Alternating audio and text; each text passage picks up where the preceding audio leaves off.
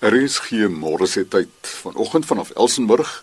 Die program word gehoor op 100 tot 104 FM en hierin het Chris Viljoen inligting oor VLV Kaapland se jaarkongres, langtermynbeplanning vir die Bergrivier in terme van toerisme, onafhanklike inspeksiedienste op die kwaliteit en kwantiteit van produkte, die mededingendheid van Suid-Afrika se landbousektore en nuwe ruimtelike tegnologie in Suid-Afrikaanse landbou. 300 VLV Kaaplandlede vergader vanaf die 17de tot die 18de Augustus by Klip Mykonos op Langebaan vir hulle 88ste jaarkongres.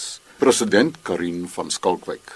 Tydens die amptelike opening tree Dr. Louis Averbag en mevrou Lise Swart, bekendes van die radioprogram op RSG, op en lei die nuwe VLV tema Môre begin vandag in. VLC sê vanjaar dankie aan die bekende en bekroonde Suid-Afrikaanse kosskrywer, chef en restaurateur Pieter Veldsmann.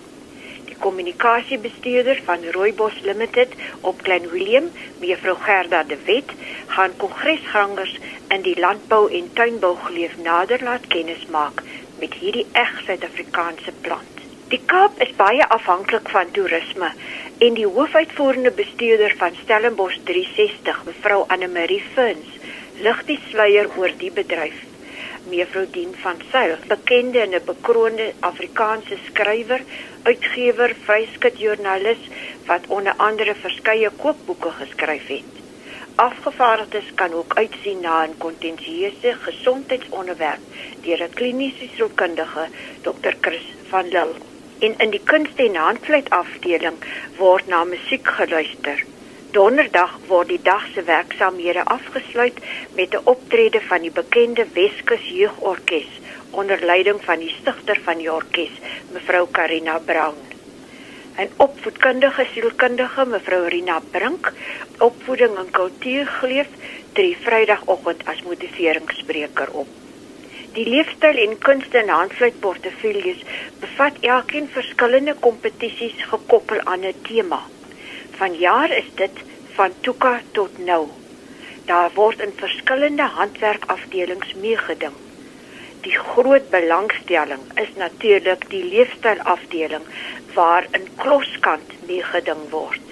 Kontak gerus gedurende kantoorure soggens die VLV kantoor op Stellenbosch by 021 886 5064 skakel my Karin van Skalkwyk by 082 96 77311 of besoek gerus VLVK se webwerf www.vlv.co.za Karin van Skalkwyk is president van VLV Kaapland langtermynbeplanning van die Bergrivier ons verneem by Francis Steyn waarnemende direkteur volhoubare hulpbronbestuur Landcare in die Wes-Kaapse departement van landbou. Water is absoluut 'n ernstige saak wat ons het. Ons kyk na korttermynplanne sowel as 'n langtermynplanne en ek dink vandag is dit sal dit goed wees om net ietsie te sê oor die langtermynplanne wat ons het vir die riviere. Ons vat die Bergrivier byvoorbeeld ons het jare terug begin om ons stelselmatig skoon te maak. Met die tyd het ons dit bewys dat ons kan dit doen. En ons is nou op 'n stadium waar ons nou daai hulpbron wat ons het nou bring tot die publiek. Ons kyk na toerisme van die Bergrivier dam af tot reg af tot by Velddrif of by die Atlantiese Oseaan en en dan maak ons hierdie hele hulpbron oop tot sy volle reg soos hy was in die verlede jare terug voor toe die sand mense hier gebly het. Ons wil hom maak 'n ekonomiese korridor van die berge af tot by die see. En ons wil uh, stadig maar seker toestemming kry by uh, toerisme sowel as departement landbou om te sien of ons kan iemand aanstel wat hierdie ontwikkeling kan doen en hom maak baie soos in Spaans, die Spaanse Camino Santiago om uh, dieselfde ontwikkeling waar die mense wat om die rivier bly in die gemeenskappe en die stories van die slawe klokke en alles heeltemal saam met hierdie hulpbron nou ontwikkel word. So al die gemeenskappe langs die rivier moet nou in hierdie roete ingesluit word. Dit moet absoluut nie net oor die natuur, maar meer oor die kultuur en die mense wat daar bly moet ontwikkel word. Dit is 'n taamlike moeilike een. Ons is op die stadium wat ons gaan nou die strategie voorsit vir goedkeuring en dan behoort ons in hierdie jaar hopelik met die toestemming van ons seniors dit te begin. En die enigste manier wat ons kan verseker dat die rivier gaan bestuur word en gaan teruggebring word na wat dit was 400 jaar terug is as ons dit blootstel aan mense en dat ons 'n waarde reg aan die rivier. As hy nie 'n waarde het, jy gaan jy nie na hom kyk nie. As hy 'n baie hoë waarde het van 'n omtrent 'n biljoen rand per jaar, nou gaan die mense na hom kyk. Jy kan sien dat dit nie net hier ontwikkel het nie, nadat ek in die Kaap gepraat het, is die metro se riviere en die diep rivier Die ander kant is ook stel baie belang om die soortgelyk te doen sodat ons hierdie waterfronte wat ons het ons hulle skoon maak en oopmaak. Francis Stein is die waarnemende direkteur volhoubare hulpbron bestuur op Elsenburg. En nou gesels Karel Manrou van Control Union oor onafhanklike inspeksiedienste op die kwaliteit en kwantiteit van produkte. Control Union is deel van die Petersen Groep in Nederland met hulle hoofkantoor in Zwolle. Met kantore wêreldwyd en sertifisering in ongeveer 50 programme, maak dit Control Union een van die wêreldleiers in sertifiseringsdienste. In Suid-Afrika is daar twee kantore, Johannesburg en Durban. Binnekort word 'n kantoor ook in Stellenbosch geopen. Control Union Suid-Afrika verrig ook inspeksiedienste op die onderskeie hawens. Onafhanklike inspeksiedienste vind plaas op die kwantiteit en kwaliteit van produkte.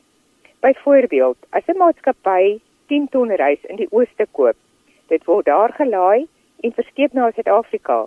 By aankoms in Suid-Afrika, inspekteer Control Union die kwaliteit, neem byvoorbeeld 'n sampel en stuur dit na ons laboratorium vir uitleding. Daar is 'n noue samewerking tussen Control Union en die Verenigde Nasies se wêreldwye voedselprogram. Veral waar voedsel geproduseer en verskeep word na Suid-Afrika. Control Union sal deur middel van inspeksie verseker dat die produk aan die Wêreldvoedselprogram of tussen hakies United Nations World Food Programme se vereistes voldoen. Vir meer inligting, skakel asseblief die kantoor by 079 875 9723. Karel Manrou is etiese ouditeur van Control Union. Professor Dani Brink, nuwe dekaan van die fakulteit Agriwetenskappe aan die Universiteit van Stellenbosch, verwys vanoggend na die mededingendheid van Suid-Afrika se landbousektore na aanleiding van die jongste BFAP of Buro vir Voedsel en Landboubeleid voorlegging. Die sterk vennootskap tussen die Universiteit Stellenbosch Pretoria en die Departement Landbou Wes-Kaap in die verband om die agentskap nie net op die been te bring nie, maar dit aan die voorpunt te plaas van landbou tendense en beleids ontledings in Suid-Afrika. Wat my ook opgeval het is veral die terugvoering wat gegee is rondom die mededingendheid van ons onderskeie landbousektore waar dit vergelyk word met ewe knie ondernemings in Amerika, Europa en tot sover as in Australië wat weer eens net bewys het dat wat landboubestuurspraktyk en die status van tegnologie aanbetref dat die Suid-Afrikaanse landbouprodusent regtig hoë aansien verdien en kry weet in wêreldlandbou. Wat vir my opvallend was is baie van die vooruitskouings wat daarop wys dat landbou in die volgende 6 jaar redelike positiewe bemarking en prystendense kan verwag waarop die Suid-Afrikaanse landbou behoort te kan kapitaliseer en wat 'n goeie basis vir toekomstige ontwikkeling kan lê. En in daardie verband het die BFAP ontledings gewys hoe belangrik dit gaan wees dat ons boere meer dingend is om op hierdie markgeleenthede te kan kapitaliseer. En ek dink dit is 'n baie duidelike weet vennootskap. Baie van daai mededingendheid is bestuurspraktyk op die plase en 'n onderliggende komponent is natuurlik die toeganklikheid en die beskikbaarheid van die nodige tegnologie.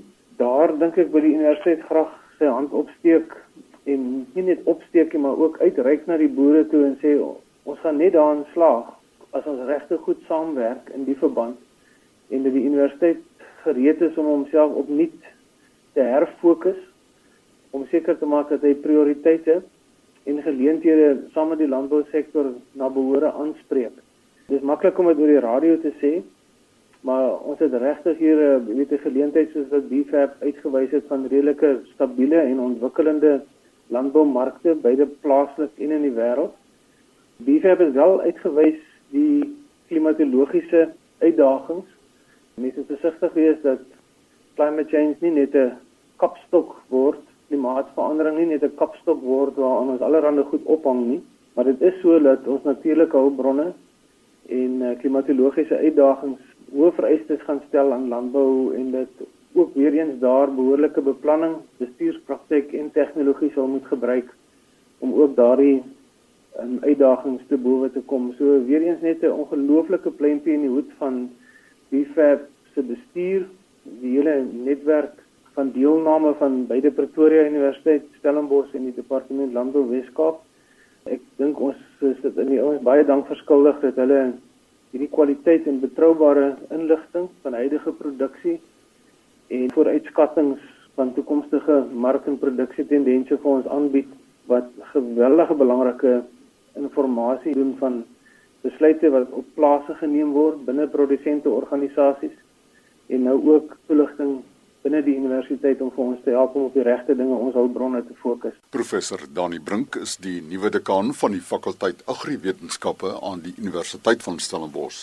Die toepassing van nuwe ruimtelike tegnologie in die landbou, daaroor gesels Terry Newby, spesialis navorser van LNR Instituut vir Grond, Klimaat en Water. Onlangs is daar 'n hele stel satelliete wat die Europese Unie opgesit het deur hulle ruimtelike agentskap ESA. Dit is 'n suite satelliete genoem die Sentinels en daar is op die oomblik Sentinel 1, Sentinel 2 en Sentinel 3 wat in die ruimte rond beweeg. Van landbou se kant af is die Sentinel 2 'n baie interessante satelliet en dit gee vir ons elke 5 dae 'n beeld van dieselfde stukkie van die aarde. Dit word baie goed gebruik in 'n stelsel wat gewasproduksie, gewasareas opneem, maar die groot deurbraak met hierdie satelliet is dat beelde verniet is. So enige persoon kan hulle aflaai en gebruik binne Europa en Afrika. Ander gedeelte van uh, die Sentinel satelliete is die radar satelliet, die Sentinel 1. En daar's groot moontlikhede om die kombinasie van die radar satelliet wat deur die wolke kan sien te kombineer met die Sentinel 2 satelliet wat ons noem as 'n multispektrale satelliet. 'n Multispektrale is maar wat ons met die oog kan sien, jou rooi, blou en groen kleure, maar ook jou infrarooi kleure. En dan begin ons al hoe meer beweeg na wat ons noem hiperspektrale satelliete wat baie klein gedeeltes van die elektromagnetiese spektrum kan opneem. En dit gee vir ons baie goeie diskriminasie tussen verskillende gewasse. So daar's 'n groot moontlikheid daar. Die een waarvan ek uh, baie geïnteresseerd in is, is die termiese satelliete. Dit is nou ietsie wat ons nog nie veel gebruik het nie, maar dit gee vir jou die eintlike temperatuur van die oppervlakte van die aarde. En veral baie goed om te kyk na grond, dreineringsaspekte van die grond. Die vierde uh, groot deurbraak is die gebruik van wat ons noem drones. Dit is hierdie radiobeheerde klein vliegtuigies wat baie gesofistikeerde kameras nou op het en gee vir ons soortgelyke materiaal of beeldmateriaal wat van die satelliete afkom. Dit gee vir ons ook hiperspektraal en multispektraal, maar dan kan ons enige tyd wat ons wil die beelde afneem. En die grootste deurbraak ek dink wat nou nog gaan gebeur is uh, wat ons noem cloud computing. So deesdae hoef jy nie 'n baie gesofistikeerde groot rekenaar te hê om die beeldverwerking te doen van hierdie satellietbeelde. In die verlede het hierdie beelde baie data verskaf en dit het groot rekenaars benodig om hulle te verwerk en die inligting uit die beelde uit te trek. Maar met cloud computing kan ons nou in die wolk die beeldverwerking doen wat uh, ons eintlik net nodig het is 'n gewone komputer met toegang tot die World Wide Web en dan kan ons die groot beelde verwerk self.